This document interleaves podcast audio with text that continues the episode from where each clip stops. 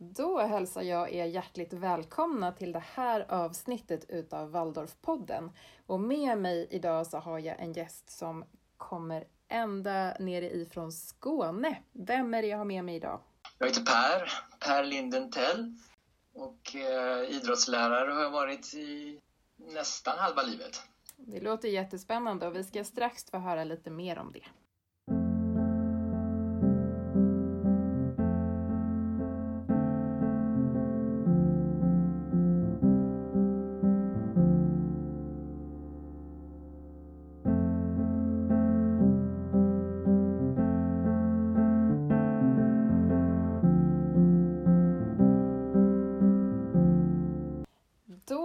Hälsar jag er välkomna till det här avsnittet utav Waldorfpodden och med mig som sagt idag Per Tell ända nerifrån Skåne. Hoppas att du har det bra där nere i Skåne Per. Ja, har det bra. Det är spännande med Skånevinter här alltså. Så att eh, det, det har varit full snöstorm här och drivbildningar och sånt där. Det är riktigt spännande.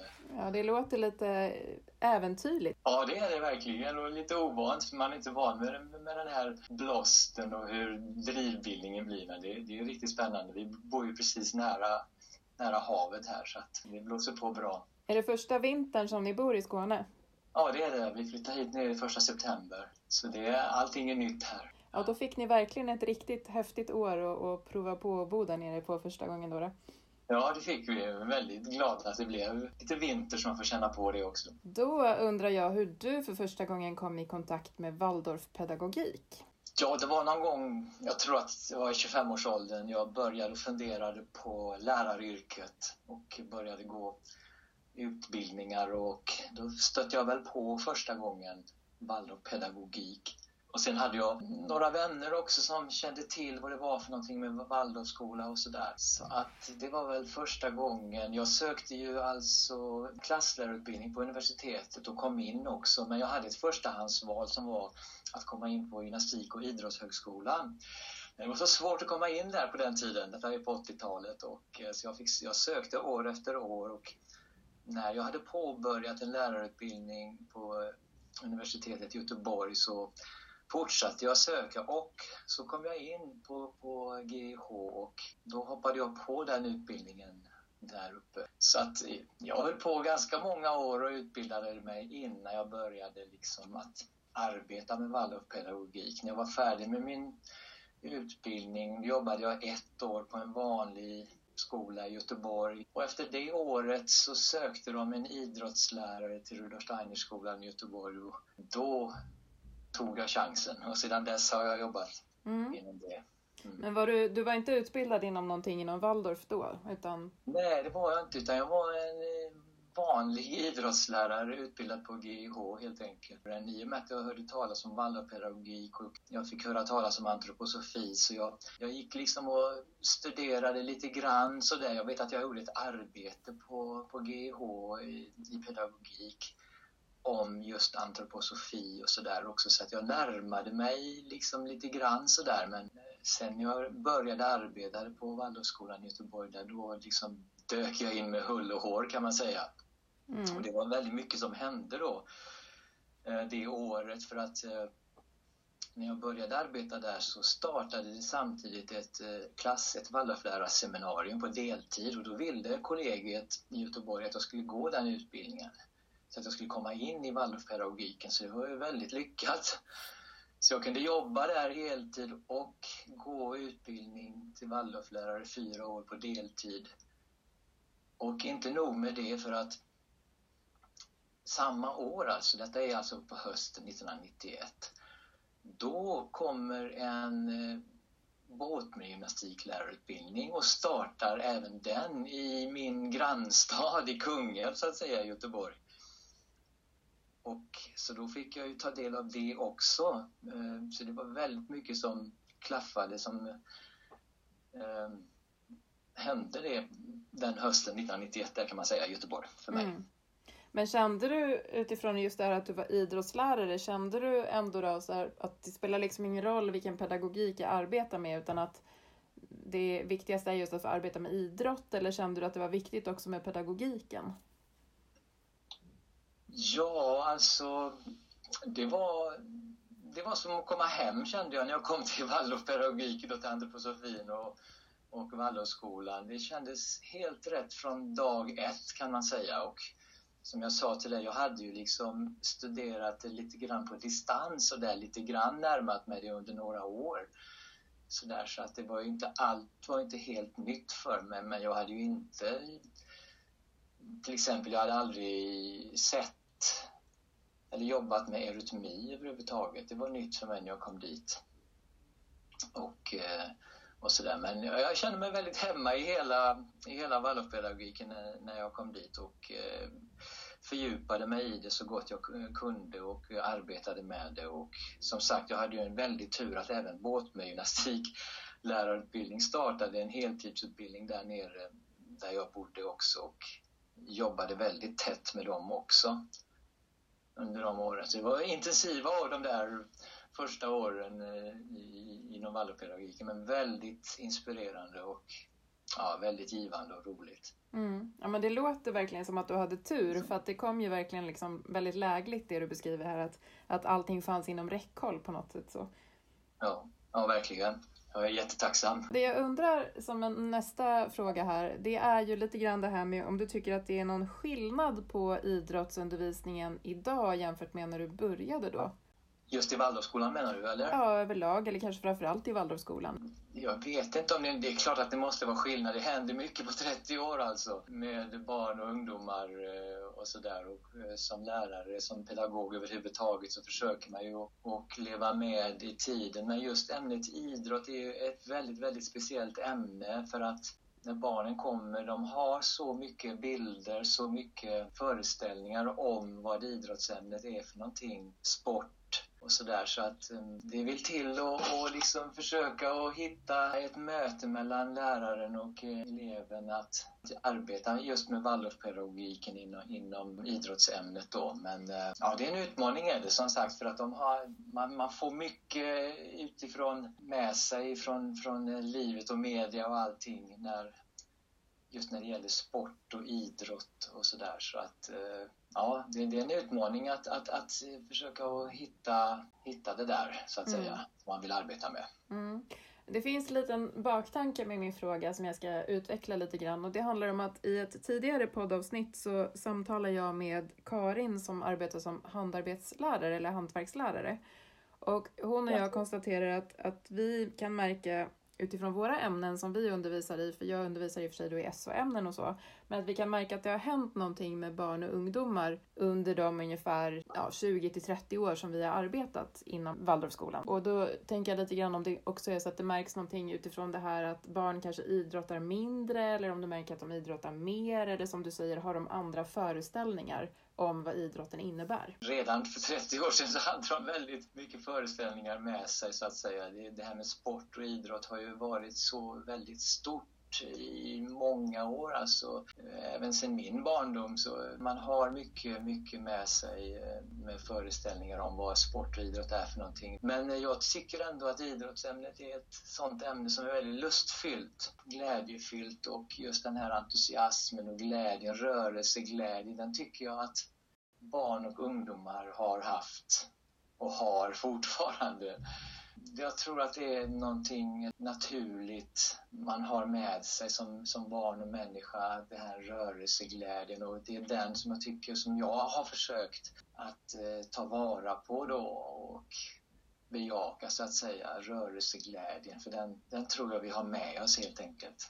Men det är klart, det är säkert mera att kämpa emot nu med mycket stillasittande och sådär. Men jag tycker ändå när jag möter en tredjeklassare, det finns en otrolig rörelseglädje i en nioåring. Alltså den, den tycker jag verkligen man ska bejaka och försöka verkligen att göda så mycket det går genom åren. Ja men verkligen. Och det var väl lite det som vi kom fram till också, att, att våra ämnen blir ju ännu viktigare på något sätt just utifrån det som du lite grann är inne på, det här med att det kanske händer någonting med, med barn och ungdomar, att de blir mer stillasittande och så, men samtidigt så kan man ju se också att det finns ett intresse hos många barn och ungdomar att faktiskt fortsätta och, och röra på sig och göra saker aktivt i skolan? Ja, det är någonting man har, tror jag, helt naturligt i sin kropp, i sitt medvetande, det här rörelsebehovet. Så att det, är, det är verkligen viktigt att, att, ta vara på det och man blir ju lite skraj när, det, när de har så lite rörelse, idrott på, på, på schemat och sådär. Så, så det, det, det, är lite, men det är många ämnen som ska in i, i läroplanen och sådär. Så att, eh, och som tur är så har ju de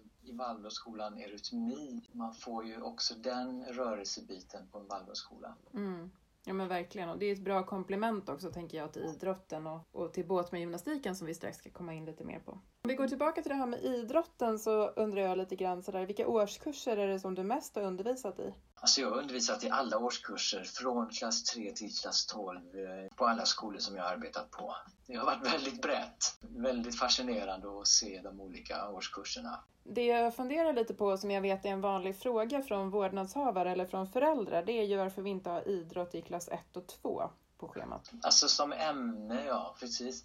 Så har det varit i Waldorfskolorna i alla år. Det är liksom en, en sån här kunskap, insikt inom Waldorfpedagogiken så att säga om, om människokunskap, allmän människokunskap. Men man, alltså man kan absolut ha, jag vet några skolor som, som har idrott i ettan och tvåan, att man liksom arbetar på ett väldigt lekfullt sätt med, med, med rörelse. Så att det är nog inte hugget i sten det där, men om man, om man tänker utifrån Waldorfpedagogiken och människokunskapen så, så är just nioårsåldern en speciell ålder där barnet kan förhålla sig till rummet på, på ett nytt sätt så att säga. Att jag, det är först i den åldern som, som barnet liksom inkarnerar i sin kropp och kan uppleva rumsdimensionerna, riktningarna i rummet och ja, så att man, barnet kan förhålla sig på ett annat sätt i och med cirka nioårsåldern där. Så har, så har man eh, resonerat utifrån den allmänna människokunskapen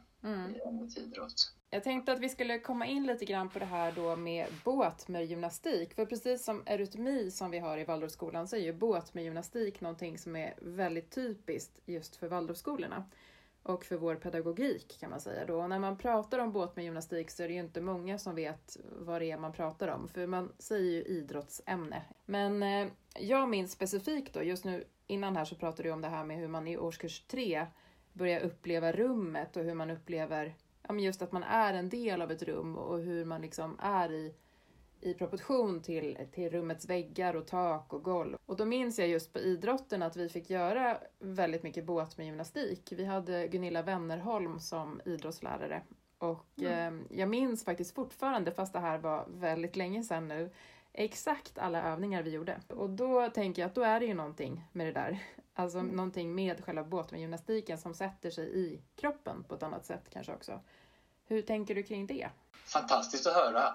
Nu vet jag inte exakt vad du syftar på. Alltså, det finns den första båtmerövning som man brukar prata om just är i tredje klass och det är en ringlek. Och det är en ganska lång historia. Man håller på, man springer, och man stampar och man hoppar och man rör sig i höjden och i vidden. Och det är en ringlek som har liksom som en berättelse berättelse, att, eh, hur man bygger ett hus. Mm. Men det, egentligen är det en bild för att bygga sitt eget hus, sin egen, sin egen kropp, att liksom stå stadigt och kunna möta världen. Och, och, på ett lekfullt sätt så berättar man genom bilder i den här leken om, om, om rum, rumsriktningar och det är, det är, olika rytmer man går i och det är pelare höga som torn mm. man sträcker sig upp i. Och det är fönster som är vida som så i det här huset. Att det är liksom en vers som man, som man talar tillsammans med rörelserna och med barnen. Och är det den du kommer ihåg? Det är precis den jag kommer ihåg. Och då måste jag också lägga till till den här historien att många, många år senare så gjorde jag min praktik som lärare i Liechtenstein. Right. Eller när jag skulle bli lärare så gjorde jag min praktik i Liechtenstein, så ska jag uttrycka det. Och ja. då gjorde de den fast på tyska. Och jag var sådär, men det här kan ju inte stämma. Det här är ju vår vers från Sverige fast på tyska. Men det, jodå, det stämde mycket väl. Och ja. Eh, därför var jag tvungen när jag kom tillbaka sen till Sverige och eh, fortsatte jobba på Martinskolan där jag då arbetade. Så var jag tvungen att gå till idrottsläraren där som heter Dan Andersson och fråga honom Kan jag vara med en gång när ni gör med treorna? För jag kommer ihåg allt det här utan till fortfarande. Jag vill kolla om jag verkligen gör det också. Och det gjorde jag. Det var jättehäftigt att, att vara med och, och liksom känna igen det där. Fast det var många, många år senare. Att det satt kvar i kroppen på något vis. Ja, vad Så roligt. det är någonting med båtmer just utifrån det. Jag tror att det är någonting att det går in i systemet på ett annat sätt. Precis som erytmin också gör det naturligtvis. Ja, jo precis. Och sen i, i klass 4, jag vet inte om ni gjorde den också, det är också en ringlek så här man står på en ring men då blir det lite mera, lite mera individualiserat eh, när man har passerat nioårsåldern och, och sådär. Och just i trean så är det den här gemenskapen, vi-elementet som lever väldigt starkt men just då i i klass 4 då är det mera jag. Jag står börjar hela övningen med och så gör man olika saker då i rytmer och hoppar och går. Då kommer också ett inslag när man, när man ringer i klockor så här, då rör sig armarna liksom i, i ett annat plan som har med, med målet att göra, med det sagittala planet. Det är liksom ett nytt element eh, som kommer in i, eh, i fjärde klass. Och där tycker jag att jag har sett någonting som liksom verkar i barnen också. Eh, det här som jag tror har med jaget att göra mer, alltså här, lite mer självständigt än, än, än, än som det är i tredje klassens ringlek där då. Ja, nej, men det är spännande som du säger. De, det, jag tror att det verkar, men det är också i bilder så att säga som, som man bara leker i de här olika dimensionerna och i, i planen så att säga. Hur tror du det kom sig att, att Rudolf Steiner kom fram till de här sakerna från början? Ja du, det var mycket han kom fram till. Men alltså, det var ju Båtmer som skapade, som skapade gymnastiken. Han fick kanske lite anvisningar av Steiner och eh, Steiner tyckte väldigt mycket om det som Båtmer gjorde men, men, men det var ju på slutet av Rudolf Steiners liv och eh, han gjorde ju otroligt mycket saker men han höll ju Waldorfskolan väldigt kär och var med på kollegium och sådär. Båtmer kom ju 1922 till Waldorfskolan och började arbeta. Mm. Ja, Steiner var väl kanske bara i två år tillsammans där då. Och sen så blev han ju sjuk på hösten 1924 där och sen så sen där stod Båtmer själv och fick liksom skapa skapa ur intet egentligen alla de här övningarna. Han skapade dem tillsammans med barnen men jag tror han hade väldiga insikter och han hade fått, fått eh, insikter i, av sina samtal med Steiner och sådär också. Alltså han hade, han hade en kunskap om, om rummets hemligheter, eh, Båtmer tror jag, som han försökte att arbeta fram en, en gymnastik ur. Ja, för att det är ju väldigt intressant ändå att, att han faktiskt då ändå hade möjligheten att utveckla saker själv. För att annars har ju Rudolf Steiner på något sätt präglat väldigt mycket saker inom just det antroposofiska men också inom Waldorfpedagogiken. Så att det här är ju, kan man säga, verkligen intressant då för, för de av oss som inte riktigt har koll på vem Båtmer faktiskt var. Ja, precis. Han, eh, ja, han blev ju, han, eh, vad ska man säga, rekryterad av Steiner. Steiner eh, visste inte riktigt vad han skulle göra i livet. Han hade, det var ju många som hade personliga samtal med Steiner och sådär och han fick lite vägledning och då fick han en hint om att han skulle se sig om efter i det pedagogiska. Jag tror att han var på något föredrag där han fick en, nästan som en uppenbarelse, Båtmer, och så fick han frågan, alltså det, från början när Waldorfskolan startade då då var det nog tänkt att eurytmi skulle vara rörelseämnet men man, man, man, såg på barnen efter ett par år att det räckte inte, det behövde ett komplement, alltså någonting som hade en annan kvalitet så då ville man ha gymnastik, idrottsämnet också. Ja, Båtmer fick den uppgiften. Jag tror att Steiner såg eh, på många sätt eh, lärarna, de här första tolv lärarna och vilka uppgifter de skulle kunna ta sig an på ett bra sätt och sådär. Så att, eh, han blev ju, han undervisade väl i religion tror jag också, Båtmer på skolan och han blev talesperson. Jag vet inte om han, det kanske inte fanns någon rektor på den tiden men när skolan fick stänga då 1938, när alla Waldorfskolor fick stänga i Tyskland, så, så höll han ett väldigt fint tal och han var liksom ansiktet utåt i Waldorfskolan i Stuttgart. Och han var väldigt uppskattad tror jag. Ja, han har kommit lite i skymundan ändå kan man ju säga. Även om vi, vi som är inom Waldorfpedagogiken och antroposofin, vi pratar ju mycket om båt med gymnastik, eller vi nämner i alla fall sådär relativt ofta i olika sammanhang. Men jag tänker att, att på de senaste i alla fall kanske 20 åren jämfört med de första 10 åren när, när jag har varit en del av Waldorfpedagogiken och även själv gått i Waldorfskola så har jag ändå känt att man har tappat lite av just båtmer-gymnastiken. Att den har på något vis hamnat lite i glömska utifrån krav som kommer från Skolverket och, och mycket annat sådär. Hur tänker du kring det? Jo, jo precis.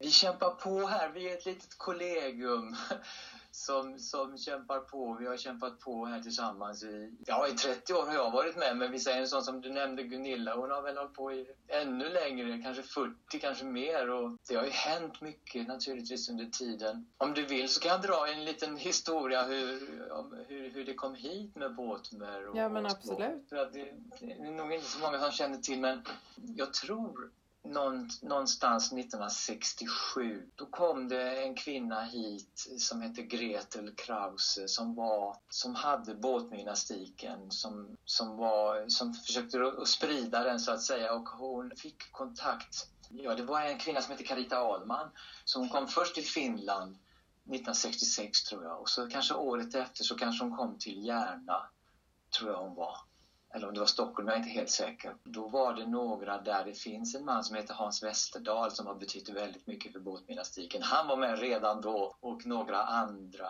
Då började hon, Gretel Kraus, att komma hit regelbundet och undervisa i båtgymnastik här uppe bland Waldorflärare och antroposofer. Det blev mer och mer att hon kom hit och 1980 81 så bildades det Föreningen för båtgymnastik i Norden. Antroposofin på den tiden var mycket nordiskt initiativ. Det var ju så på seminariet i Järna och sådär också. Det var mycket nordiskt samarbete. Så även det här så det var mycket norrmän och danskar och finländare och svenskar som sammanträffade på somrarna och även på påsk så de hade påskkurser och eh, senare hade de också höstkurser. Så påsk, sommar och höstkurser pågick.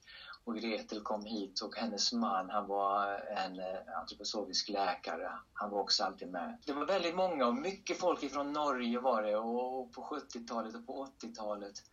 Och sen, alltså 1981 så startade den här föreningen Båtgymnastik i Norden och de hade som mål att starta en heltidsutbildning till båtgymnast. Tio år senare, 1991, som jag berättade för dig, då startade den utbildningen i Kungälv på Waldorfseminariet som sedan hette Waldorfakademin.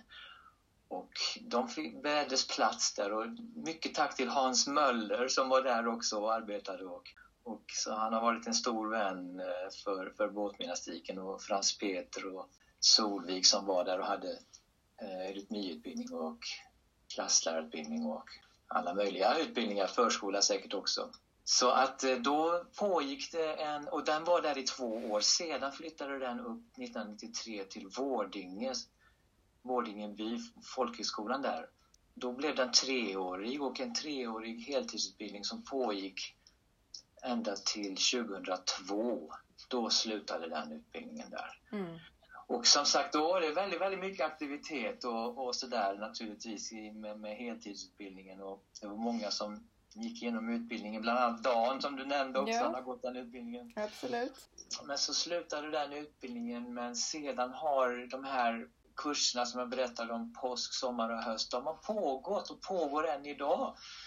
Och eh, vi är ett litet tappert kollegium som, som fortsätter och vi har försökt verkligen att sprida båtgymnastiken så gott vi kan. Och, men framförallt under den, den tiden som heltidsutbildningen var, då, då åkte de ju ofta runt på turné till skolorna och gjorde uppvisningar med båtgymnastik och hade seminarier kring det och sådär. Så att då var det ganska mycket drive kring det hela. Mm. Men, men det, det, man får kämpa på. Det är inte så lätt att sprida det här. Jag vet inte, det ligger nog kanske i framtiden. Jag vill gärna nämna att i Europa och så pågår det ett arbete för att 2004 så startade det någonting som heter BMI, Boatman Movement International. Och det, det, det är ett utbildningsprojekt som på, har pågått sedan dess och pågår fortfarande det är en fyra till femårig deltidsutbildning och eh, det är ett eh, europeiskt kollegium kan man säga. Och eh, där har även vi varit med. Vi har drivit igenom en sån utbildning från 2010 till 2014 och då samarbetade vi med, med VLO och med BMI när vi gjorde den, den gruppen så att säga. Så att det pågår fortfarande det arbetet eh, ute i Europa. Mm. Ja. ja. men det är jättebra att det ändå finns liksom ställen man kan vända sig till fortfarande och sådär. Eller där man kan mm. få en utbildning inom det här, så ska jag säga. Ja. För det, det kan jag verkligen känna att det saknas på något sätt, eller det har fallit lite i glömska. Men även om ni nu för kampen för att det här ska liksom gå vidare så kände jag också att det var jätteviktigt att lyfta i Waldorfpodden ämnet båt med gymnastik om man får uttrycka det så. Därför att det är en sån viktig del utav Waldorfskolans eh, grundläggande pedagogik, tänker jag också då, inom just idrotten. Ja, absolut. Alltså, jag har alltid sett att utbilda sig i båtgymnastik, det är som en skolningsväg för idrottsläraren för att han, man får ett begrepp om vad man gör med barnen i de olika åldrarna och de här båtmiljöövningarna, det är inte jättemånga, det kanske är 30 övningar eller något sånt där sammanlagt, men att, att det är som en urbild för vad man gör, vad man gör i klass 8, alltså den båtberövningen, de båtberövningar som finns där, den har en kvalitet som idrottsläraren kan fördjupa sig och då veta vad man gör med allting annat i redskapsgymnastiken och bollspelen och, och, och, allt vad man gör på, på, en idrottstimma. Så har man, har man en hjälp ifrån den, den eh, urövningen så att säga som man gör i båtgymnastiken. Och kan man få till det och göra det med de här båtövningarna med, med, eh, barnen i alla åldrarna så är det ju väldigt, väldigt värdefullt och det, det kan man inte hålla på med mycket. Man kanske håller på några minuter i början på en lektion, kanske i slutet för att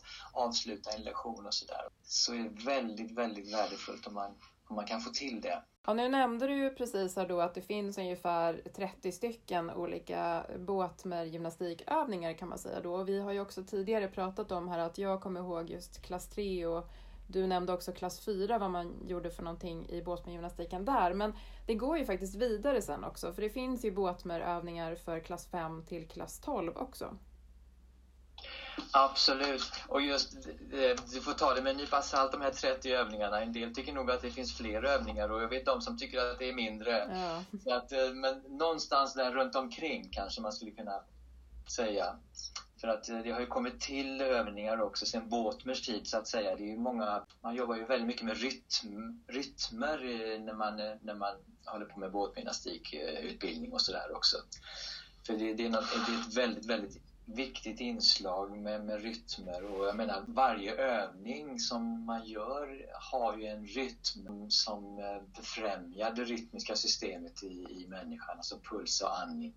Så att det är väldigt, vad ska man säga, hälsosamt även för vuxna människor, alltså just det här det, ryt, det rytmiska elementet. Men på tal om rytmer så i klass 5 så där är det verkligen det elementet, det rytmiska elementet. Där jobbar man mycket med, med, med olika övningar och med riktningar, alltså med, med, de fyra himmelsriktningarna och höjden och vidden och, och så här eh, i olika hopp framför allt. Det är fantastiskt att arbeta med klass 5 och just med rytm, rytmiska hopp på, på olika sätt. Med tung och lätt och allt det här för att också i, i klass 5, då har man ju de olympiska spelen. Det är också ganska unikt för Waldorfskolan tror jag. Man brukar säga att de är som greker i klass 5. De, de har liksom perfekt balans i kroppen mellan tyngd och lätthet och, och andning och puls. De har ett gyllene ögonblick där liksom i sin uppväxt i 10-11 års åldern där, där allting är i harmoni i bästa fall. Och då brukar man ha de här olympiska spelen. Då gör vi alltid de här rytmiska hoppen när vi, när vi börjar eh, de olympiska spelen. Och så sätter vi igång sen och springer och hoppar och brottas och kastar diskus och spjut. De här fem övningarna som man gör. Så det är mycket det elementet i klass 5 och, och sen i klass 6 då kommer man in kanske mera i, på geometriska övningar.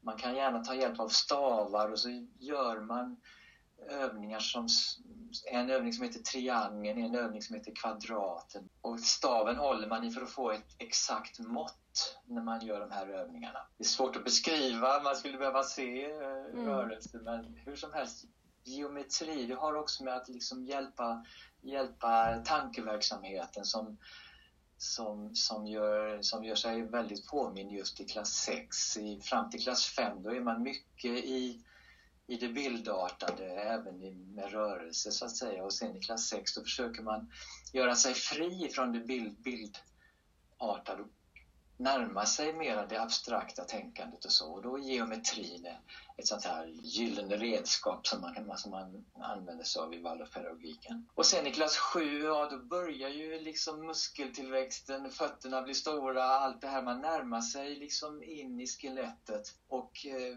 musklerna och muskeln som förbinder sig mot skelettet är ju senan, så det, det är just det elementet, det här svingande, det här töjbara elementet som finns i klass 7. Så det, då är det mycket mer dynamiska övningar som, som finns i båtgymnastiken och i all annan gymnastik också, i redskapsgymnastik och allt möjligt. Men just de här urövningarna då, de är, de är ganska dynamiska, svingande rörelser. Och sen i klass 8, klass 9, då, då börjar man verkligen komma ner i Ja, man får musk, musklerna, muskeltillväxt men också in i tyngdkraften på ett helt nytt sätt där, där det uppväxande barnet upplever tyngdkraften egentligen för första gången.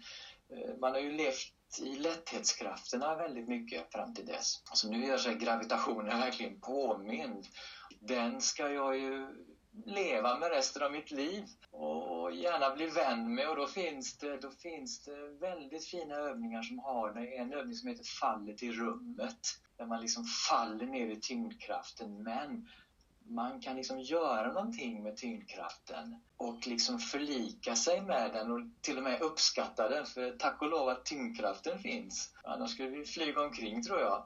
Så de övningarna har mycket med, med, med det att göra, med fall till rummet. I klass 9, det här med det vertikala för att jag vill ju försöka komma upp ur tyngdkraften och hitta det vertikala, det uppresta igen och då då är det vertikalplanet som är temat i klass 9 kan man säga. Och för att, för att hitta det här kraften uppåt igen så att säga. Och eh, sen i klass 10 då är det mer att jag går ut i världen och hittar det horisontala. Och då är diskusen en, en urbild för, för det diskuskastet som, som liksom lever i det, i det horisontala planet. Och då finns det jättefina övningar. Det finns faktiskt en övning som heter diskusövningen också, en Båtnerövning. Och i, i klass 11 då är det mera, då kommer det tredje planet så att säga, sagittalplanet som har mera med målet att göra och med symmetri delar in liksom människan och rummet i höger och vänster. Men också djupet är målinriktade och då är ju spjutet en urbild för klass 11 och det är ju klass 11 som man väljer sitt årsarbete till exempel. Det är, det är en väldig hjälp att arbeta med just sådana övningar som har med det målinriktade att göra i klass 11. Och sen när man kommer till klass 12, då har man gått igenom allting, alla, alla planen, alla riktningar och liksom sammanfattar all, alla rummets dimensioner med, ja, det finns jättefina övningar, en övning som heter, just heter dimensionsövningen. Korset även kallad. Det finns en övning som heter kupolen som ja, det är väldigt fint att göra de övningarna med, med en klass 12 och de, de kan verkligen förbinda sig med de övningarna eh, när de kommer upp i klass 12. Ja, det var en snabb genomgång. Ja, men det, det är spännande och det är också faktiskt viktigt att komma ihåg att de här sakerna finns. För att precis som jag var inne på tidigare så känner jag att det är inte självklart idag för alla idrottslärare som jobbar på Waldorfskolor. Just för att de kanske inte har varit med på Waldorfskola från början. Men för de som har varit det, eller de som har gått den här utbildningen som du nämnde innan, så är det ju någonting helt annat. Att man naturligt får in det i sin undervisning. så. Ja, precis. Jag tycker ju så här också att det skulle vara väldigt fint att vara, komma vara med på lärarutbildningar och även lära, alltså ämneslärare, klasslärare. Jag tänker mig i de yngre klasserna så, så tycker jag klasslärare mycket väl skulle kunna arbeta med sådana här rytmiska övningar och ringlekarna och de geometriska övningarna. Så att det får leva i en klass eh, mycket mer, att det inte bara är idrottslärare så att säga som som behöver, för att ja, jag tycker vem som helst skulle kunna jobba med det faktiskt som har, som har intresset så att säga. Mm. Och vi har ju en rytmisk del på morgonperioden. Där tänker jag också att sådana här saker skulle verkligen kunna passa att Verkligen. väva in. Så, ja. Verkligen. så det är väl någonting som vi skickar med ut här nu då. Att, Ja, att man gärna, absolut. dels kan man ju kontakta dig, men det finns ju såklart möjlighet att kontakta Gunilla Wennerholm och andra också som arbetar med, med Ja, hon är still going strong alltså. Ja, det är verkligen. Det är häftigt tycker jag också. Och sen, Ja. jag tänker också att just utifrån om man som klasslärare då känner att ja, men jag skulle vilja få in någonting sånt här i den rytmiska delen på morgonperioden eller på, under annan tid på dagen såklart också. Ja. Ja, det, det är jätteviktigt att få, få just, ja, just den här rytmiska delen och kunna utnyttja den väldigt. Det är väldigt, väldigt, väldigt viktigt. Mm. Jag tänker på att när jag började jobba på Martinskolan för många herrans år sedan, som jag uttrycker det, eh, så var det ju så att ibland så märkte vi att vissa elever var i behov av att just hitta balansen i sig själv. Sådär. Och då kunde man ju antingen då få hjälp med eh, läkarytmi eller också båt med gymnastik hos Dan då, som vi har nämnt tidigare här.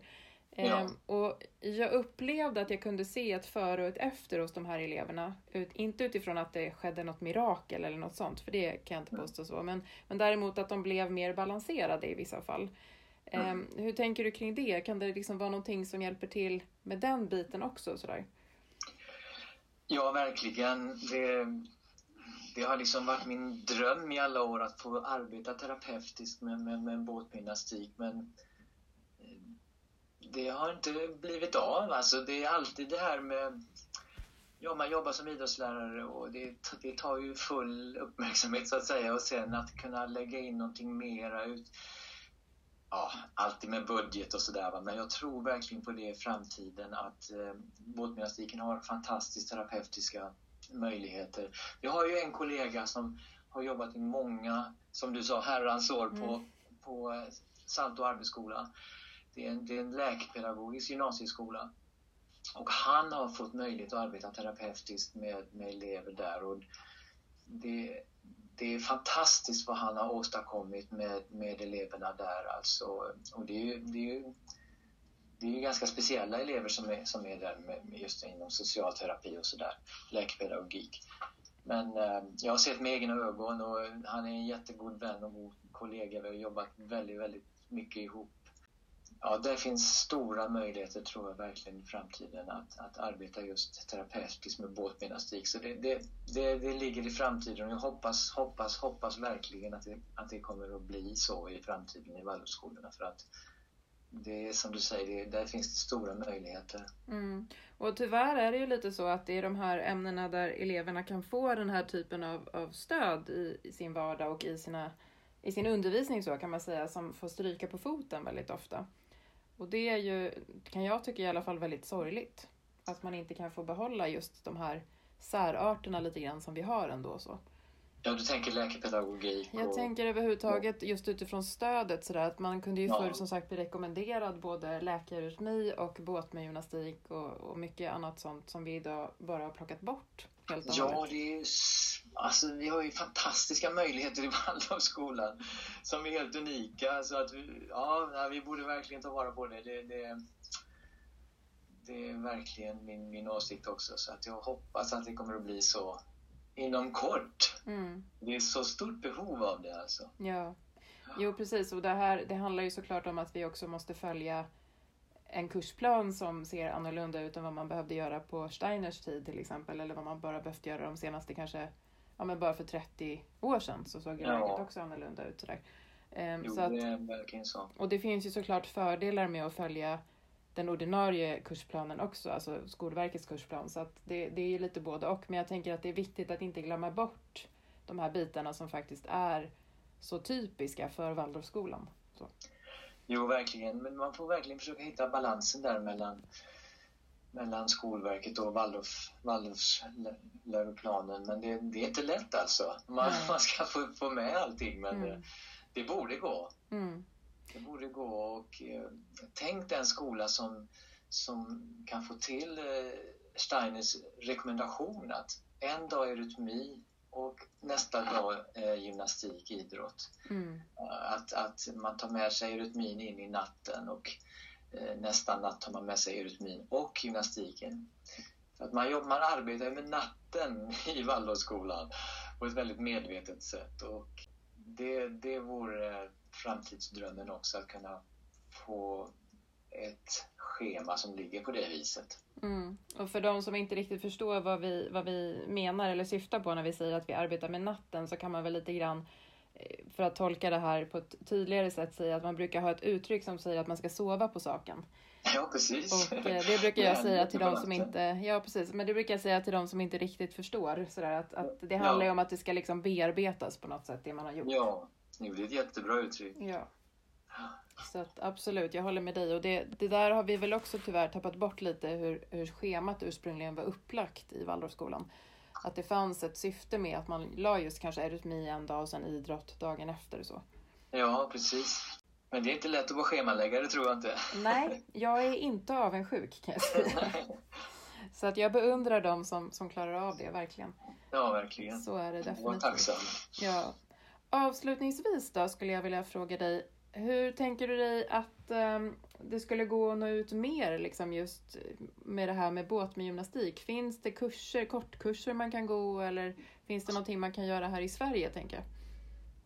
Ja, alltså som jag sa förut så de här kurserna på påsk och höst, de, de pågår ju och de har ju, ja, som jag sa, nästan till, sedan 1967 eller på att säga. Gretel som jag, som jag nämnde förut, Gretel Krauss, hon dog 1991 på våren, precis när jag började. Jag började ju i den vevan på hösten 1991. Så att, men jag har alltid känt en väldig förbundenhet med hennes, med hennes båtgymnastik och vi försöker arbeta vidare i den andan helt enkelt som, som hon gav till oss här uppe och inte minst till Gunilla och, och de, det kollegiet som, som arbetade med henne under många år. Och som sagt, de kurserna pågår. Jag, jag gick själv den vägen till jag fick mitt båtmörcertifikat, att jag gick på påskkurser och på höstkurser och på sommarkurser. Så tre gånger om året så finns det möjlighet. Och de låg alltid på Vårdinge då eh, från och med 93 när det flyttade upp från, från Kungälv då. Jag gick den vägen och det är många andra som har gått den vägen. En slags deltidsutbildning. Så att i och med att man kommer på en sån kurs så är man inskriven i en deltidsutbildning och sen kan man ta det så att säga, på, på ett individuellt sätt eh, under ett antal år. Jag tror jag tog sju år på mig innan jag fick innan jag tog mitt certifikat så att säga. Men någon har gjort det kanske på fem år. Nu sen, ja vad är det, det är sju, åtta år sedan så kan vi inte vara i gymnastiksalen på Vårdinge längre. De har byggt en slöjdsal där. Så att nu är vi i en jättefin gymnastiksal idrott som är, som är ganska så nybyggd. 2013 tror jag den stod färdig på Örjanskolan i Järna. Så där har vi varit de sista åren då och haft våra påsk och höstkursen påsken brukar ligga, alltså påskkursen i samband med påsklovet och höstkursen i samband med höstlovet. Och sen sommarkursen, den har vi kvar ute på Vårdinge för att man kan vara mycket ute och så kan man vara i en sal där uppe som vi, som vi kallade för dramasalen förr i tiden. Jag tror den heter Studion eller något sånt där nu på Vårdinge. Och eh, där är vi, brukar vi vara första veckan i augusti. Och dit kan man komma eh, man behöver inte ha några förkunskaper och det brukar vara väldigt fina kurser varje gång alltså. Så vi, vi hoppas att vi ska kunna ha en, en, en påskkurs här nu också eh, på Örjanskolan. Det, det siktar vi på. Sen får man se hur man lyckas då. Ja, precis. Mm. Då säger jag stort tack till dig Per för att du var med i det här avsnittet och för att du berättade om båt med gymnastik. Och har man frågor, får man vända sig till dig då? Hemskt gärna. Ja, för då lägger jag med nämligen din mejladress i våran blogg som vi har. Så tänker jag att då får man skicka ett mejl till dig om man har ytterligare frågor kring just båtmer i gymnastiken. Precis, och om kurserna och sådär. Så det, det är bara att stöta på. Mm. Stort tack för att du var med. Ja, tack själv. Tack Jessica. Ha det bra, hejdå. Tack, hej.